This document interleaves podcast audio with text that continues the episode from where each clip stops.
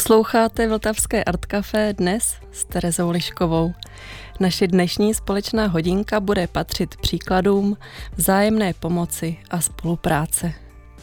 Bude nás zajímat, jak se nám za poslední rok dařilo a daří rozvíjet schopnost solidarity. A to mimo jiné také s lidmi, kteří do Česka uprchli před válkou na Ukrajině. Společně se podíváme do brněnské šicí dílny nebo do kuchyně na břehu Vltavy. A zastavíme se také u knihy, kterou nedávno vydalo nakladatelství Nevím. Teď si ale poslechneme jednu ukrajinskou hudební novinku, a to konkrétně remix skladby Na samoti. Za její původní podobou stojí dvojice Onuka –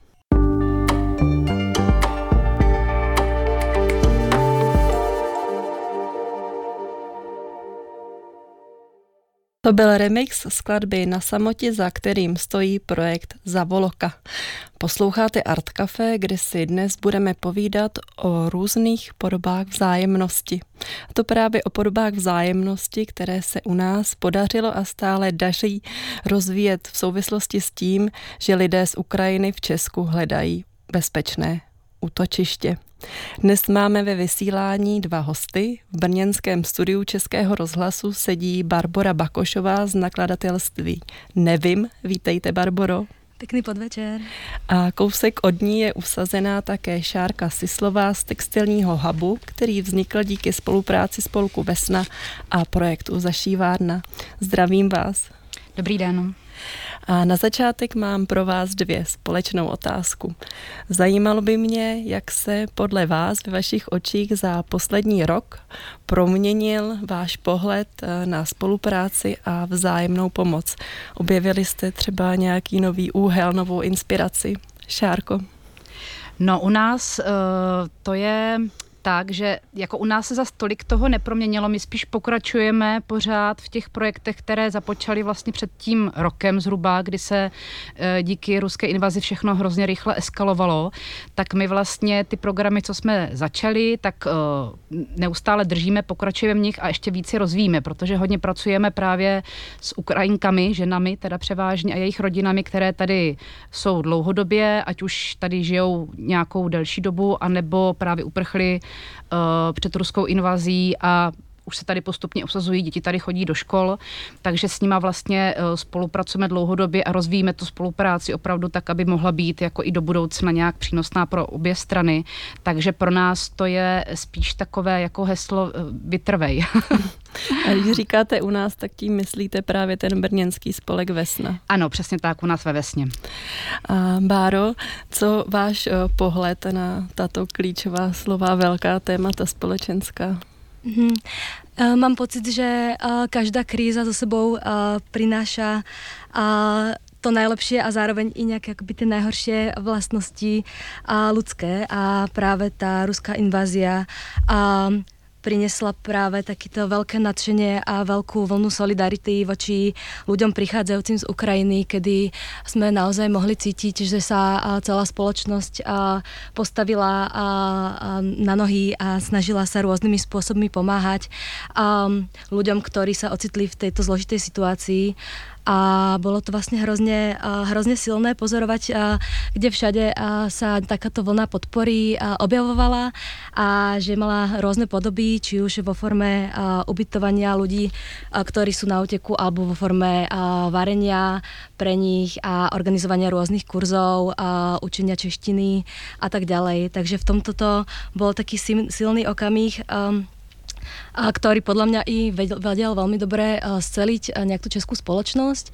A zároveň, keď hovorím i o tých uh, zlých nejakých stránkach, tak mám pocit, že boli i prípady, kedy sa vlastne tá pomoc niektorým ľuďom utekajúcim pred vojnou nedostala a Teraz ten konkrétny príklad, ktorý ma napadal, bol napríklad pomoc rómským ženám utekajúcim pred vojnou z Ukrajiny, kedy vlastne oni zostali trošku opomenuté a musela sa naozaj kvôli ním alebo pre ne mobilizovať skupiny ľudí alebo bežných ľudí, ktorí im sa snažili pomôcť v momentoch, kedy vlastne to vedenie mesta alebo inak štát tú pomoc poskytnúť nedokázal.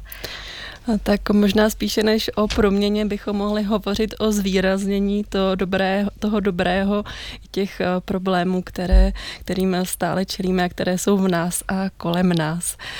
Šárko, vy už se řadu let věnujete projektu Zašívárna, kde se zaměřujete na ruční výšivku, máte e-shop, pořádáte kurzy, umíte zajistit, zajistit také výšivku na zakázku přes různé ženy, které se vyšívání věnují.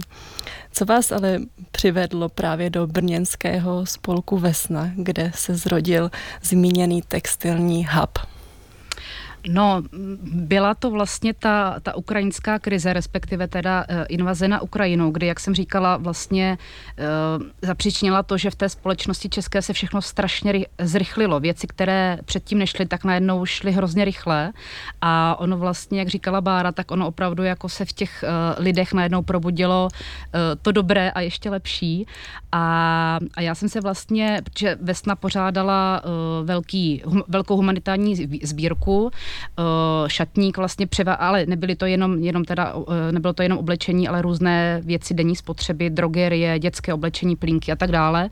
A protože jsme chtěli i vlastně těm rodinám, kteří se, které sem uprchli, zajistit nějakou podporu ve formě nějakých volnočasových uh, aktivit, tak vlastně jsem oslovila naše dodavatele, kteří nám dodávají materiál do zašívárny a oni vlastně hnedka druhého dne poslali obrovské bedny s různým šicím, vyšívacím materiálem, pletací jehlice a tak dále a bylo to strašný zájem.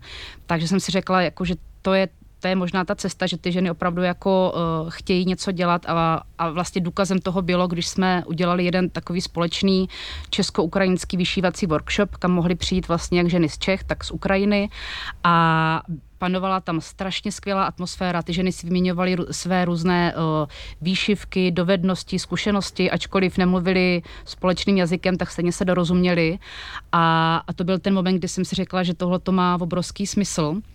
A oslovila jsem Vesnu vlastně s takovým nápadem, který jsem v hlavě nosila už dlouho, že bychom mohli uh, zkusit založit takový textilní hub, nějakou textilní dílnu, kde by se jednak scházely tady české a ukrajinské ženy, ale vlastně ženy jakékoliv národnosti, jakékoliv uh, příslušnosti a společně by tvořili. Byl by to takový vlastně uh, řemeslný spolek a protože Vesna vlastně v té době začínala takovou svoji uh, novou etapu života, protože dlouho, uh, i když má 100 let, tak uh, poslední léta byla tak trošku u ledu, protože, protože minulé vedení dovedlo k insolvenci, tak teďka vlastně jako chytlo takový druhý dech, eh, stanovala se nová správní rada, nové vedení a vrátila se vlastně do původních budov tady v Brně na Údolní, kde vlastně sídlila od toho konce 19. století a tam jsou obrovské prostory a Vesna vlastně má takové poselství, že to opravdu byl ten ženský vzdělávací a výrobní spolek a je tam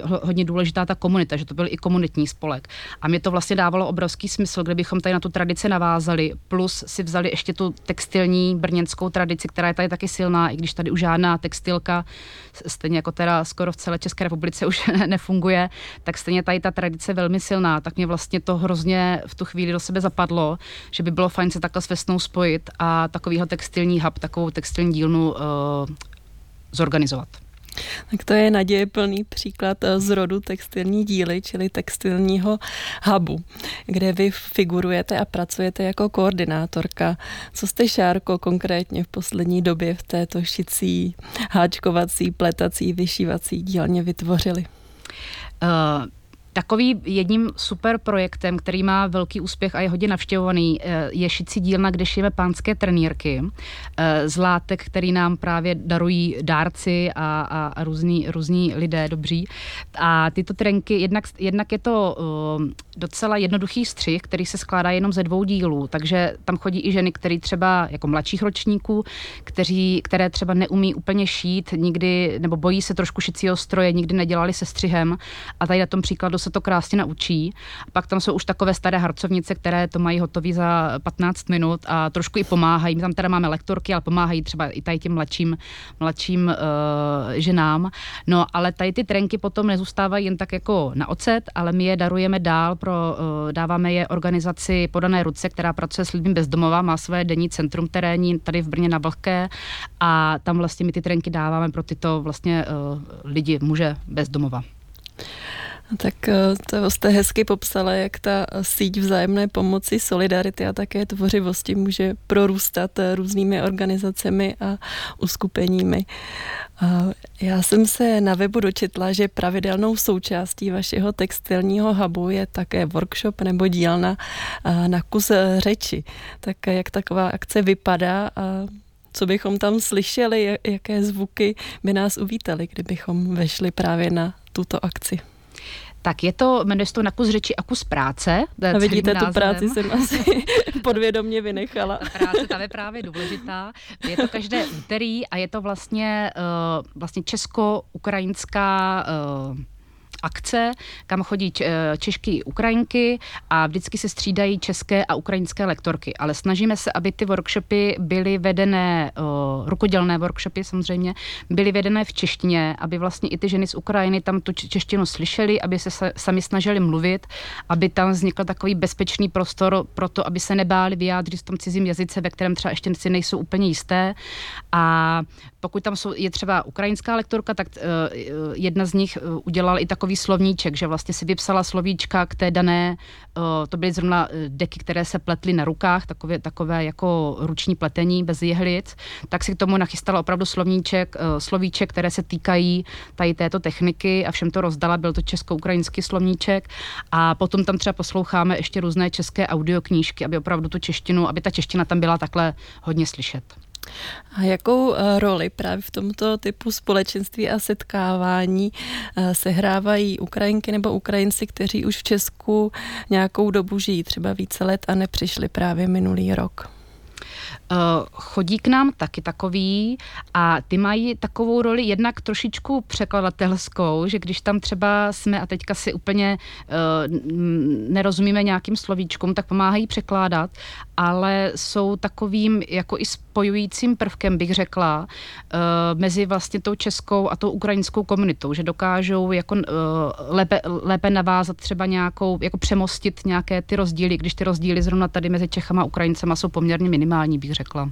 Taková ta interkulturní spojka, která možná přináší nějaký aspekt důvěry mezi uh, ty skupiny, je asi dost podstatná. Určitě, určitě, to bych právě chtěla zdůraznit, že tady ta interkulturní složka, interkulturní práce je tady na tom celém vlastně procesu velmi důležitá, že nejedná se jenom o ty ruční práce, které opravdu teda spojují národy, to, to jsem se přesvědčila, ale uh, aby ty lidi vůbec došli, aby jsme schop, byli schopni nějak oslovit a přitáhnout, tak ta, uh, bez, té, bez té interkulturní nějaké vložky by to bylo strašně obtížné, protože uh, různé komunity, které my se teďka už nezaměřujeme jenom na, třeba na tu ukrajinskou komunitu, ale opravdu na jakékoliv jiné národnostní menšiny, tak uh, některé ty komunity jsou opravdu poměrně uzavřené, například větnamská komunita, a dostat se k ní uh, a působit nějak důvěryhodně, tak abyste tam byla schopna navázat nějaké vlastně jako přátelství třeba vůbec, je poměrně složité. Takže tady, tady opravdu ta interkulturní práce je strašně podstatná.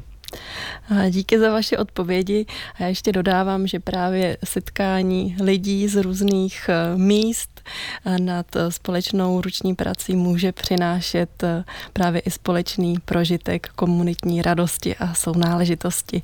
My, než budeme pokračovat v rozhovoru se Šárkou Sislovou a Bárou Bakošovou, tak dáme prostor ukrajinské dvojici The Glass Beats, která minulý rok vydala nové album s titulem Time to Time. My si z něj pustíme titulní skladbu.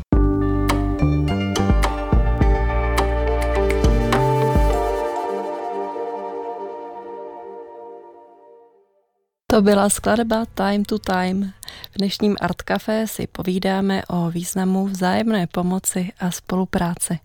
A právě jeden z možných a pro někoho možná také radikálních pohledů na toto téma představuje kniha Vzájemná pomoc, jak v krizi upevňovat solidaritu.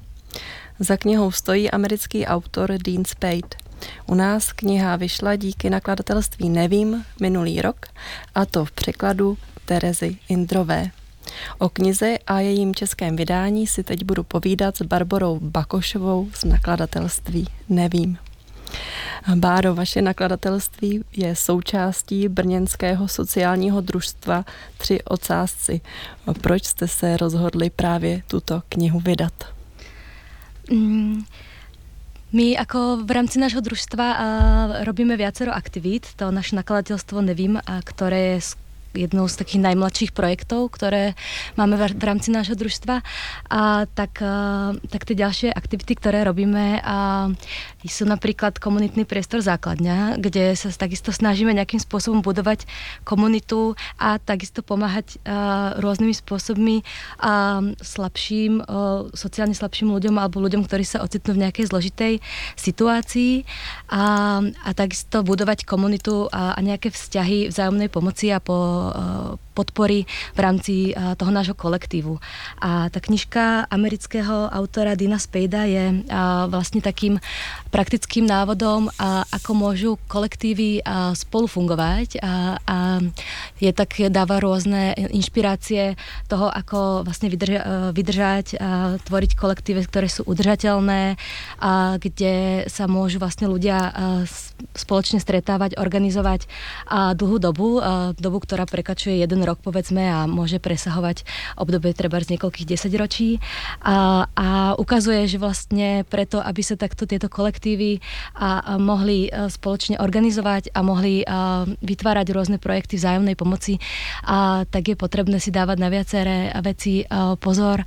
A mm, spoločne zdieľať a samo sa, organiz, samo sa organizovať v rôznych aspektoch. Takže pre nás to bola takisto taká nejaká uh, príručka a návod, ktorý nám hodne pomohol v tom našom organizovaní sa a hovorili sme si, že to môže byť i zaujímavé pre ďalšie skupiny ľudí, ktorí práve um, pomáhajú ďalším ľuďom, uh, tvoria nejaké ďalšie kolektívy, uh, ktoré, um, ktoré nejakým spôsobom sú postavené na vzájomnej pomoci a spolupráci a snažia sa do tejto spolupráce nejak vtiahnuť ďalšie další skupiny lidí. Že se ta knížka nějak eh, přímo dotýká té vaší společné a žité zkušenosti. Eh, když autor uh, mluví o projektech nebo píše o projektech vzájemné pomoci, tak co tím konkrétně myslí? On ty myslí vlastne akékoľvek skupiny ľudí, ktorí sa nejakým spôsobom zorganizujú a, a poskytujú, si, uh, poskytujú si nejakú formu podpory, ktorá vedie k naplneniu uh, potrieb, povedzme. Um, veľmi často a, uh, sú to projekty, ktoré vznikajú v čase kríze. To sme sa vlastne mohli presvedčiť i v tom českom kontexte, uh, či už v súvislosti s vojnou na Ukrajine, alebo s predošlou uh, covidovou pandémiou, ale možno aj v súčasnosti v kontexte energetickej krízy, že vlastne um, taká tá nejaká starosť o to svoje prežitie alebo o to vlastne uh, o taký nejaký ako dobrý život alebo to, aby sme vôbec mohli mať nejak naplnené nejaké potreby, tak nás viacej vedú k nejakému uh, spolčovaniu, k nejakému akoby uh, pocitu toho, že si to vlastne nedokážeme, že to nedokážeme zvládnuť sami a že potrebujeme ďalších ľudí na to, aby sme mohli robiť tieto spoločné veci. A, a Dean Spade práve hovorí, že práve toto puto, ktoré môže vznikať v kontexte týchto krízy je veľmi dôležité a je veľmi dôležité, aby sa nerozplynulo hneď ako nejaká, nejaký prvý náraz krízy pominie, ale aby sme dokázali práve tvoriť tie kolektívy dlhotrvajúce, udržiteľné a aby vlastne um, sa tá spolupráca mohla pokračovať i po tom prvotnom, povedzme, nadšení. Dean Spade působí jako advokát ve Spojených státech amerických mimo jiné a popisuje právě v té knize i řadu příkladů právě eh, z tohoto prostředí těch projektů vzájemné pomoci. Popsala byste jeden z nich, který vás nějakým způsobem zaujal? Mm, tých projektov on tam eh, spomína veľké množstvo. Väčšina z nich je teda v kontexte Spojených štátov a veľmi veľká časť z nich sa eh, dotýka nejakých spôsobov akoby menšín, ktoré sú v kontexte tej akoby celej spoločnosti eh, nejakým spôsobom ohrozené. Či už sa jedná o ľudí inej farby pletí alebo o ľudí, ktorí sú v nejakej sociálne zložitej situácii, či už bezdomová a tak ďalej, alebo ľudí ktorí spôsobia v nejakých queer komunitách alebo uh, transgender komunitách a tak. A takže uh, jeden zo zaujímavých prípadov, ktorý mi tam prišiel uh, akoby užitočný, je napríklad to, ako sa vlastne formulovala pomoc v kontexte protestov uh, okolo hnutia Black Lives Matter v rokoch 2013-2014, kedy tam vlastne paralelne k tým uh, veľkým demonstráciám vznikali i um, vlastne skupinky vzájomnej pomoci, ktoré poskytovali pre uh, vlastne černožské obyvateľstvo právnickú pomoc, ktoré poskytovali akoby pomoc obetiam ľudí, ktorí, ktorých rodinní príslušníci sa ocitli vo vezení, a ktorí sa vlastne v rôzne právnické skupinky, ktoré pomáhali zase ľuďom, ktorí boli akoby zadržaní, ale takisto i rôzne skupinky, ktoré varili a šírili vlastne jedlo medzi rôzne komunity, ktoré, ktoré boli z tých chudobnejších. A to je vlastne príklad, ktorý, ktorý mi príde zaujímavý i v tom, že prepája vlastne to hnutie ako také, ktoré sa snaží o zlepšenie podmienok na tej štátnej úrovni a, a vydobitie si nejakých akoby nových práv s tou vlastne základnou formou pomoci, ktorá sa viacej napája na tie potreby. To znamená, že títo ľudia dosť často nemajú uh, kde bývať alebo nemajú dostatočný prí, finančný príjem a tie systémy vzájomných podpory a vzťahov sa snažia uh, tieto potreby nejak naplniť. Spejt v té knize Vzájemná pomoc přináší poměrně výraznou kritiku, mimo jiné také kritiku kapitalismu. Ta kniha je názorově usazená spíše na té levé straně spektra, kde ale vidíte protnutí mezi skupinami a lidmi, kteří se pohybují třeba více ve středu nebo takzvaně napravo, co můžeme mít společné napříč těmi politickými postoji a názory.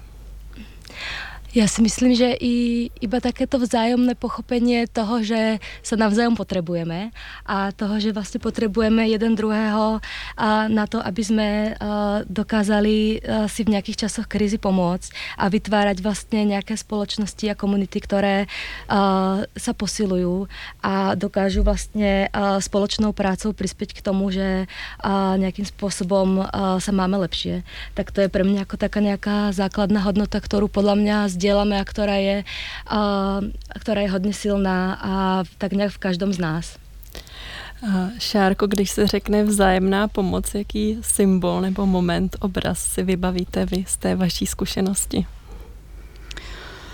No, teď musím přemýšlet, ale Uh, ono vlastně jakoby v tom, v tom textilním hubu, uh, který funguje od října, vlastně teprve není to úplně dlouhá doba, tak tam mám pocit, že ta vzájemná pomoc funguje na každém tom setkání. Eh, jsou to úplně takové mikro, mikro případy, mikrosituace, kdy eh, starší ženy pomáhají mladším nebo eh, češky, Ukrajinkám. Společně třeba se obohacujeme o nějaký rozdílnosti třeba v nějakých zvicích. Teďka mě napadá dobrý příklad. Nedávno jsme měli uh, workshop háčkování takových uh, srandovních uh, masopustních masek a to, to bylo vlastně, byla tam zase strašně jako příjemná atmosféra, ty masky byly takový hodně jako šílený, takový, takový jako pestrobarevný, ale on ten masopust vlastně takový je a ačkoliv jsme si ne všichni úplně jako jazykově rozuměli, tak tam vlastně potom panovala úplně uh, nádherná taková jako uh, serotoninová, až bych řekla, atmosféra, že nás opravdu to jako hrozně bavilo a všichni jsme byli strašně jako uh, spokojení. A pak jsme si navzájem ukazovali vlastně i fotky různých masopustních masek, uh, jak, uh, jak vypadají na Ukrajině, jak vypadají u nás, jaké jsou, protože t- masopust je slovanský, no pohanský svátek, tak vlastně i tak tam existují takové nějaké rozdíly a bylo to strašně obohacující a strašně zajímavý. Tak já vám oběma moc děkuji za sdílení vašich zkušeností, pohledů a inspirací z brněnského prostředí. O knize Vzájemná pomoc nám vyprávěla Barbara Bakošová z nakladatelství Nevím. Díky, Báro, že jste byla s námi. Díky za pozvání.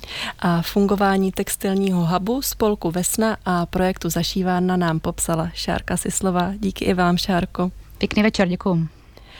A než eh, si my společně pustíme reportáž z kuchyně Pražského centra Elpida, kterou pro vás máme připravenou, tak nám zahraje Lubomír Melník, podle všeho nejrychlejší klavírista na světě a také muzikant s ukrajinskými kořeny a světoběžník, který se v roce 1948 narodil v uprchlickém táboře v Mnichově.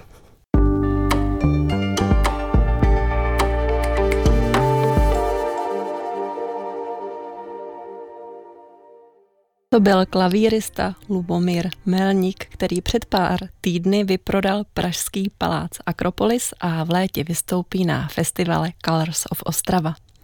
A my si teď poslechneme další příklad toho, jak může fungovat propojení většiny s menšinou. A tento příklad budeme hledat na břehu Vltavy v přístavu 7. Přesně tam se totiž v pražských Holešovicích nachází centrum Elpida, kde se scházejí místní seniorky spolu s, žez- s ženami, které do Česka uprchly před válkou. A my si poslechneme, jak společně vaří kuře a knedlíky. Čekáme, až se nám spění cibulka, budeme dělat kuře na paprice. To znamená, že jsme teď nakrájeli cibuli, na másle ji děláme a děvčata z Ukrajiny nám pomohli nakrájet maso kuřeci, prsa.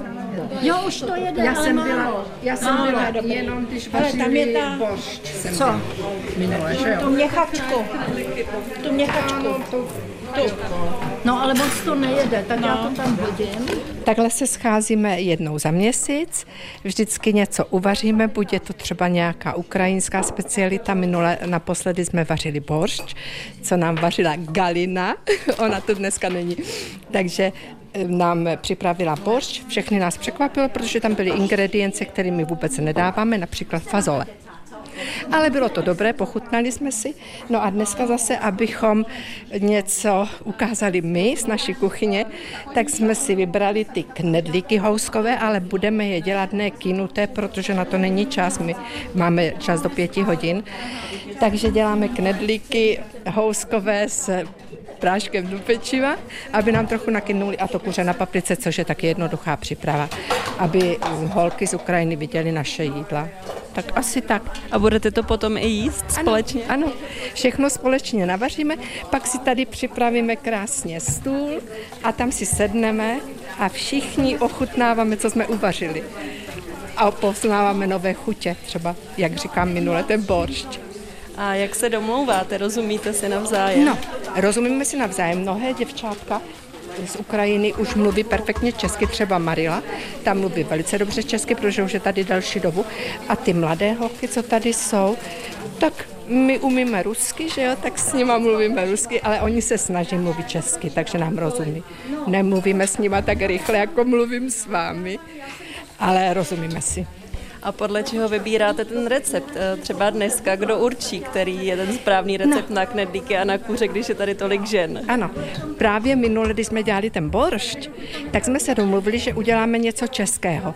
Česká, české jídlo je svíčková a vepřoknedlo zelo. Jenomže to chce svůj čas. My na to máme prakticky od půl čtvrté do pěti, což bychom asi nestihli udělat tyhle složitá jídla, tak jsme si vybrali to jednodušší. A to je to kuře na paprice a ten knedlík. Tak, tak. A kdo tady rozděluje práci? To se tak dohodneme sami. Vždycky někoho učíme. Vždycky je ten hlavní, co vaří. Minule třeba ta Ukrajinka Galinka nám vařila boršť, tak de facto ona to vedla, ona říkala, co tam patří, kolik množství a tak všechno a my, co jsme tady, tak pomáháme.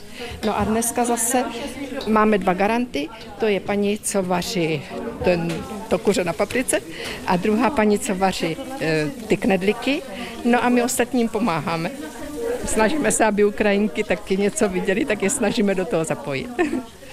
A už eh, máte plán, co budete vařit příště, nebo to se budete dohadovat až během jídla? My se vždycky dohodneme až na konec, co budeme vařit příště. Takže zatím jsme se nedomlouvali, jestli nám třeba přijdou Ukrajinci uvařit nějaké vareníky nebo něco. Nevím, nedomlouvali jsme se zatím. A účastníte se i dalších eh, takových podobných komunitních akcí v Elpidě? Ano, účastním. Bývají tady velice hezké věci, taky to bývá tak jednou za měsíc, eh, kdy třeba se seznamujeme. Minule jsme měli eh, šperky, byla tady paní, ale ta nebyla z Ukrajiny, ta byla tuším z Kazachstánu nebo tam někde a dělala nám šperky, mám ho tady na kabelce. To bylo perfektní. A teď budeme mít zase ve středu a to je, myslím, paní z Iráku. Tam si nejsem jistá, teď taky budeme dělat šperky. Takže takových těch aktivit, kde můžou ty ukrajinské ženy za námi přijít, je víc. Tak já se jdu ještě podívat eh, do kuchyně, co se tam děje. Můžu se zeptat, eh, co tady teď máte za vynález? Ale to nejsou jen tak obyčejné knedlíky. Ne, jsou, jsou obyčejně houskový. Ale ten prášek do pečiva, ten tam dáváte i doma? Samozřejmě. Já nedělám jiný knedlíky než z prášku do pečiva, protože nebudu čekat několik hodin, než to vykyne. Otázka, jestli to vykyne. No. A tady to je sázka na jistotu? No, tak částečně musí člověk to hlídat, no. Není to úplně taková jistota. Vždycky se může něco pokazit. U těch knedlíků vždycky. A vy jste eh, teda ta kuchařka, která koordinuje ne. vaření knedlíku? Já to já dělám sama, no, sama to dělám, ty knedlíky. no ta mísa, v které to připravujete, je obrovská. Pro kolik lidí dneska vaříte? Řekli 15 až 20, takže a tady nakoupili pro ty tři dávky, tak jsem udělala tři dávky knedlíků. Tak jsem zvědavá, jak to vykyne. Já jsem taky zvědavá. Jo, tak co to udělá teda? Na kypří se to? se to. To teda se uvaří ve vodě ta hmota a už bude taková jako na Kypře. Dobře, tak jsem zvědavá, jak to bude Kypre. No, no, uvidíme. ty konvice, že jo. Je na Ukrajině něco podobného jako knedlík? Ленивые вареники называются. Ленивые вареники называются. А как они называются? Něco podobného jako ovocné knedlíky. Да. A to, tomu se říká vareníky. Tak, teď mi to no, tam ještě jeden. Ještě jeden. O, у нас с маслом мажет. Она тоже маслом мажет, между прочим, мажет, да? Это вот это. No vidíte, tenhle už se, ten už jako jede. Ten je, ten jako, no, tak slyším. A jaký úkol jste dostala vy dnes? Žádný, já jdu jíst. já jdu ochutnávat. tak to je významná role. A jste tady dneska poprvé, nebo sem chodíte pravidelně? Byla jsem tady na tom boršči. Byl dobrý. Na boršči? No. No jo, to bylo zajímavé ten boršč. Byl dobrý. Udělala jsem si ho za týden taky doma. A dělala no. jste ho pak podle stejného receptu? Ne, ne, ne, podle svého. Bez fazolí, tři druhy masa. Bez brambor. Bramboru jsem si tam jednu dala potom, no. A bez houbového koření. A bez houbového koření. U nás nedá, máme Takže jste tam dávali houbové koření? Ta paní z Ukrajiny řekla, že to tam dává, je to rodinný recept. Takže to chutnalo jinak, než jste čekali? No, bylo to, no ono, i když toho tam nasypala hodně, tak toho, té hmoty bylo tolik, že to nebylo moc cítit. Nebylo to tam Cítit. Byl, byl dobrý. Takže jedna, dva, tři, čtyři, pět. Proč jste sem dnes přišla? Почему вы здесь? Ну, то розумім. Ну, protože а, то є hezky, když е, setkáme a mm, mluvíme Protože nás máte ráda. moc ráda. Je, mm, Ráda vařím, ano. A ráda uh, také jíte? No, samozřejmě. A jaké máte ráda jíst? No, no všechno. I taky hm, české jídlo. A kuře na paprice a knedlík je pro vás nový recept? Nový, nový. Ještě nikdy to neochutnala. A budete vařit eh, knedlík doma? doma? Ну, можу, можу скусити. A už máte hlad? Уже, уже хотите кушать? Кушать хочет все. Аппетит разыгрывает. tak ještě to bude asi chvíli trvat, ještě tak půl hodiny. Ano, ano. Než uvaříme knedlík. Ty knedlíky musíte uhlazovat pod vodou, nesmí mít spáry, jo? Voda na knedlíky se vařila pomalu, v kuchyni totiž chyběla pořádná poklice. A tak jsem si mezi tím povídala s Mariou Mortilláro. Maria je koordinátorka z Inbáze, což je organizace, která se v České republice věnuje podpoře migrantek a migrantů a také pomoci jejich rodinám. Měli jsme tady i přes 20 lidí, ale to není problém, protože se ty stolky spojíme a uděláme se taková fakt jako by velká rodina. A po kolikáté už se tady takhle setkáváte? To asi není první setkání, nebo co už máte za sebou z vaření společného, česko-ukrajinského? E, Není to první setkání, jakoby v tom březnu jsme se jakoby e, sešli s děvčatami z Elpidy a přemýšleli jsme, kam bychom pro ty ukrajinské ženy jakoby vytvořili takový domov, kam by mohli e, e, přicházet a něco tvořit, vařit společně. Takže vlastně to máme od loňského března a už jsme tady vařili borš jsme měli několikrát, e, ukrajinské vareniky jsme měli na různé způsoby, na sladko, na slano, makronky jsme dělali, jako bylo toho fakt hodně. A děláme nejenom vaření, děláme i, uh, sazeli jsme tady bylinky, uh, dělali jsme tady origami, uh, dělali jsme vykuřovací svazky, takže to vždycky prostřídáváme vaření a, a něco jakoby tvůrčí jakoby práce. A my jsme tady v Holešovickém přístavu centra Elpida, ale vy jste z jiné organizace Inbáze. Jak vznikla spolupráce právě mezi dvěma organizacemi tady v Praze? No, ta spolupráce vznikla, co já se pamatuju, když tady Inbáze přišla a dělala takový dětský jakoby festival, Refufest se tomu říká, Inbáze každý rok organizuje. Dělali to tady v Elpidě a od té doby jsme začali víc spolupracovat. Začali jsme to tak, že jsme pozvali, uh, v Inbáze je už 11 nebo 12 let jakoby klub Babí léto, to jsou seniorky z, z Ruska, z Ukrajiny, z bývalého sovětského svazu, když to takhle řeknu. Takže přišli jsme sem na snídani, oni pak český uh, seniorky přišli k nám do Inbáze a zjistili jsme, že nám to tak jakoby hezky jakoby funguje, že ta spolupráce je fajn a takhle jsme začali. A navázali jsme to v březnu jakoby ještě víc intenzivně jakoby spolupracovat. A chodí sem částečně stejní lidé a zároveň přicházejí nějaké nové klientky a ženy? Uh, I muži tedy i... tamhle sedí u stolku tři, zatím nevaří a možná čekají, až bude navařeno. Ano, já jsem nezvala k nám, ale říkali, že oni se přidají, až bude hotovo.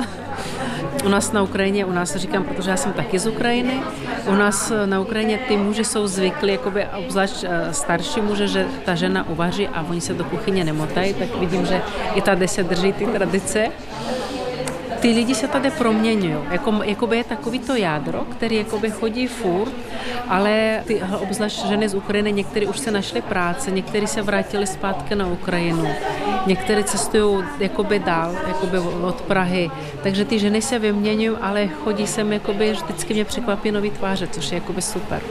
A jsou tady i ženy různého věku, nejsou asi tady jen eh, seniorky, že to je vlastně taková zajímavá mezigenerační příležitost k setkání. Ano, to je právě i ten sil byl, jakoby, že tady jsou ženy, z Ukrajiny jsou růz, jakoby, různé generace, mladí děvčata tady uvidíte, maminky s dětma, dneska tady není, uh, ale jinak sem chodí hodně maminky s dětma a tady i takový propojení, jakoby jak tomu říkám, babičky a, a ty děti z Ukrajiny, když tady nemají babičky, tak uh, jsou v rádi, že mají tady nějaké uh, babičky a zase dámy z LPD jsou rádi, že můžou mít tady děti.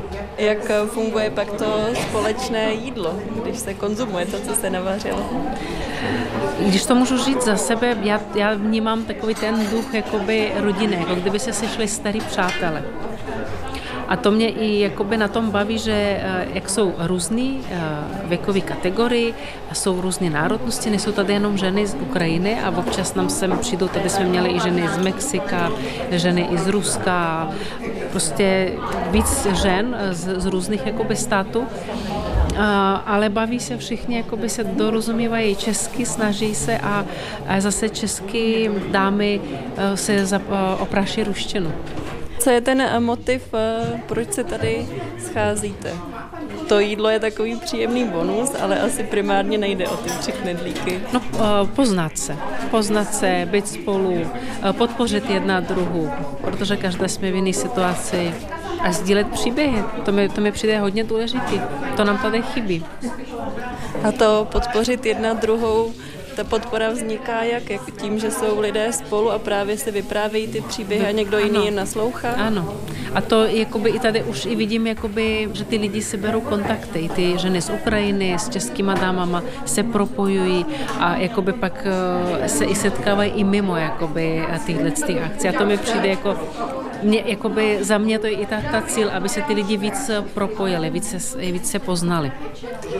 Vy tady jste dnes v roli koordinátorky, ale už jste se účastnila i jiných eh, těch setkání, tak utkvěl vám nějaký konkrétní recept nebo dovednost, eh, co jste se tady naučila, nebo co vás zaujalo, co vám utkvělo? No, když to takhle řeknu jako bez vaření, tak um, um, mám ráda ty české jídla, protože taky sama to moc dobře jakoby neumím. A utkvěl mi hodně večer, když jsme dělali uh, vareniky, tak tady zrovna se sešlo hodně dětí.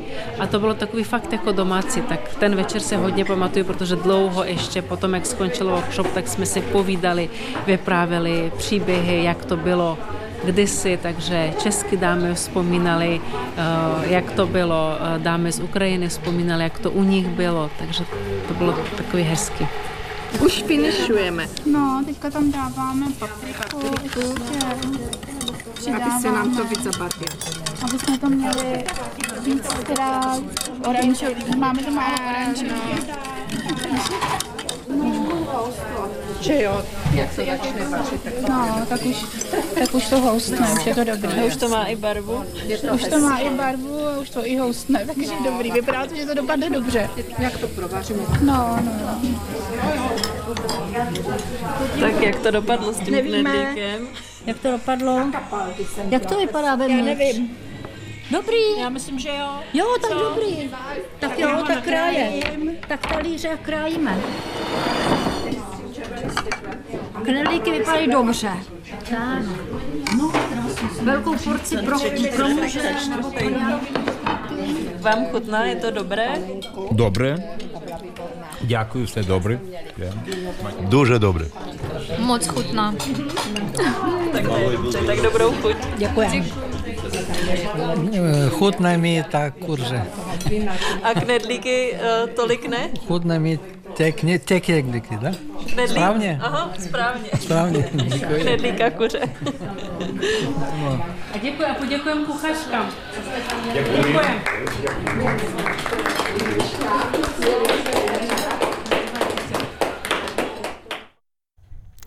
A my děkujeme vám, milé posluchači a milí posluchači, že jste s námi.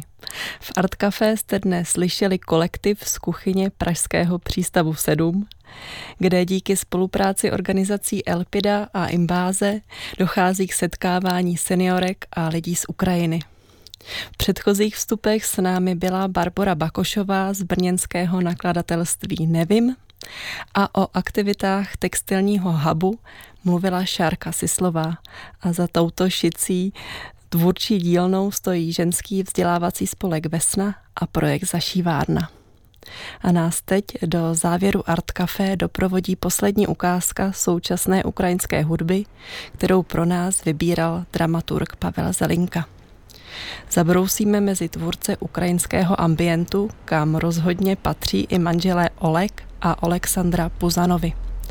On si říká Drony Darko a ona tvoří pod jménem Proto You. Oleg se minulý rok zapojil do podpory vojenských operací v Kijevě. Alexandra spolu se synem před válkou uprchla. Přesto se ale oběma hudebníkům podařilo v loňském roce vydat nová alba. A my si teď z desky, kterou pod názvem Memory Alpha připravila právě Alexandra, zahrajeme skladbu Soul Machines. Přeji vám příjemný poslech a zase příště se těším na slyšenou. Loučí se s vámi Tereza Lišková.